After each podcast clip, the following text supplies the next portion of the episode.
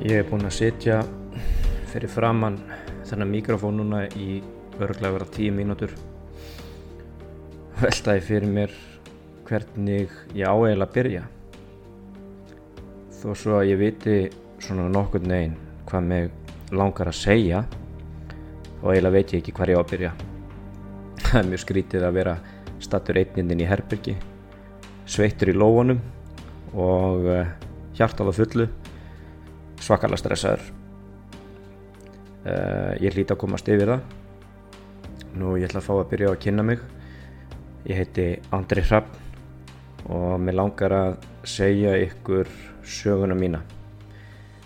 Það eru rétt um 8 ár síðan að ég greintist ófrjóðsamur og mér hefur langað til að segja frá ófrjóðsemis baróttu minni eða réttast væri að segja minni og konuna minnar. En ef ég á að vera alveg hreinskilinn þá hef ég í þó nokkuð tíma þurft að finna kjarkin til þess að koma og segja frá öllu saman. Ég hef hreinlega ekki þóraði fyrir núna. Það hefur tekið mér langan tíma að komast á þennan stað að geta talað um það. Uh, ég vildi ekki gera það fyrir en ég væri tilbúin að tala um allt saman. Allar hlýðar málsins. Nú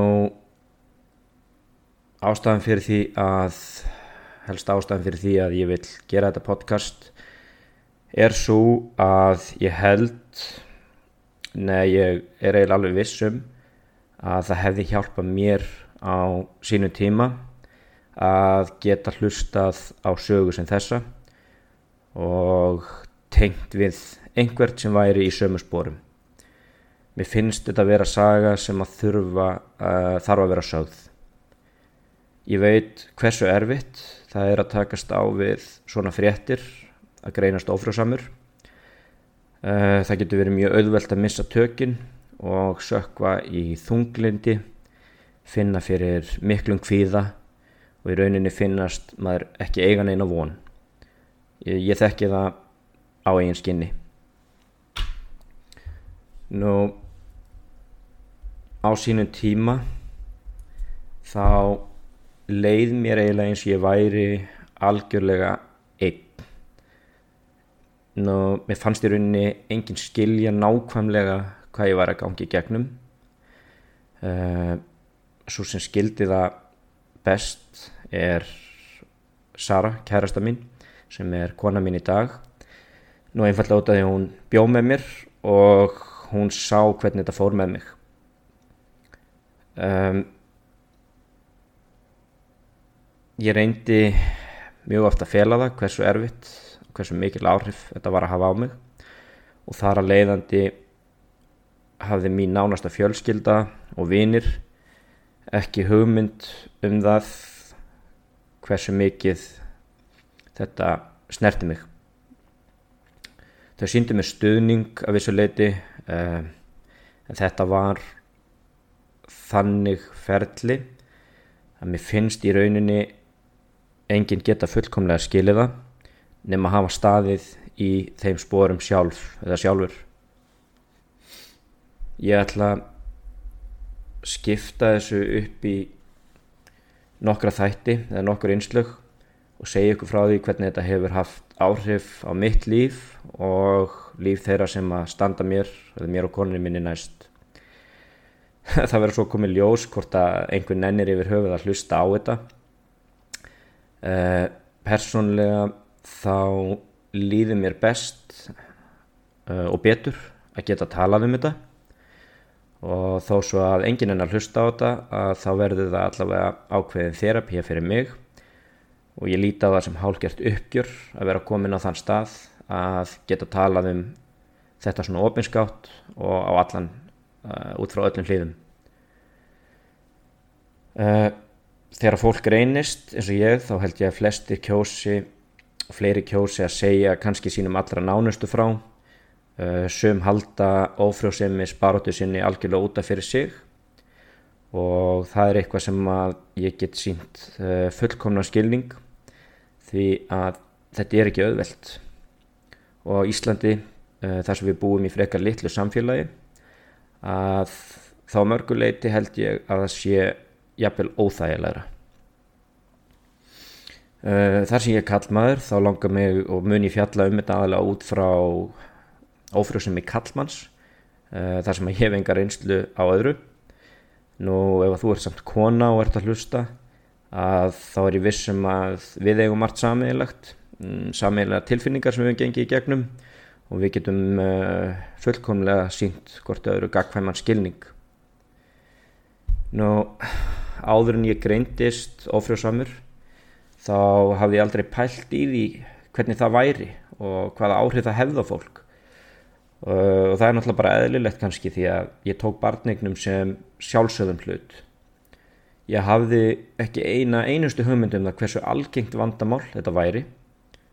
En eh, staðrindin hér er svo að svo að 15% para þurfa að leita sér einhverjar aðstofar við bagneitnir uh, eh, mér finnst ótrúlegt að hugsa í raun og veru um það að það sé um það bíl eitt af hverjum sex pörum sem að leita sér hjálpar. Eitt af hverjum sex.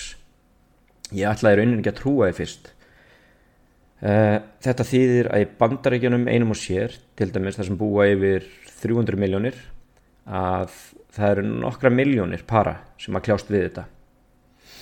Og ef við yfirfærum það til dæmis yfir á litla Ísland að þá þýðir þetta að fyrir hver þúsund hjón eða pör að um 150 þurfa að leita sér aðstöðar mér finnst það ótrúlega mikið og segir okkur það að öll ættum við að þekkja einhvern sem að hefur þurft að leita sér aðstóðar eða er að leita sér aðstóðar við badnignir um, hvernig gæti þá staðist á því að hvernig gæti þá staðist að þegar ég greinist árið 2012 að ég þekkti engan í kringum mig sem að vara að kljást við þetta einhverju leiti um, það er fyrir eitthvað einföld skýring fólk um, kýs yfir höfuð ekki að tala um þetta.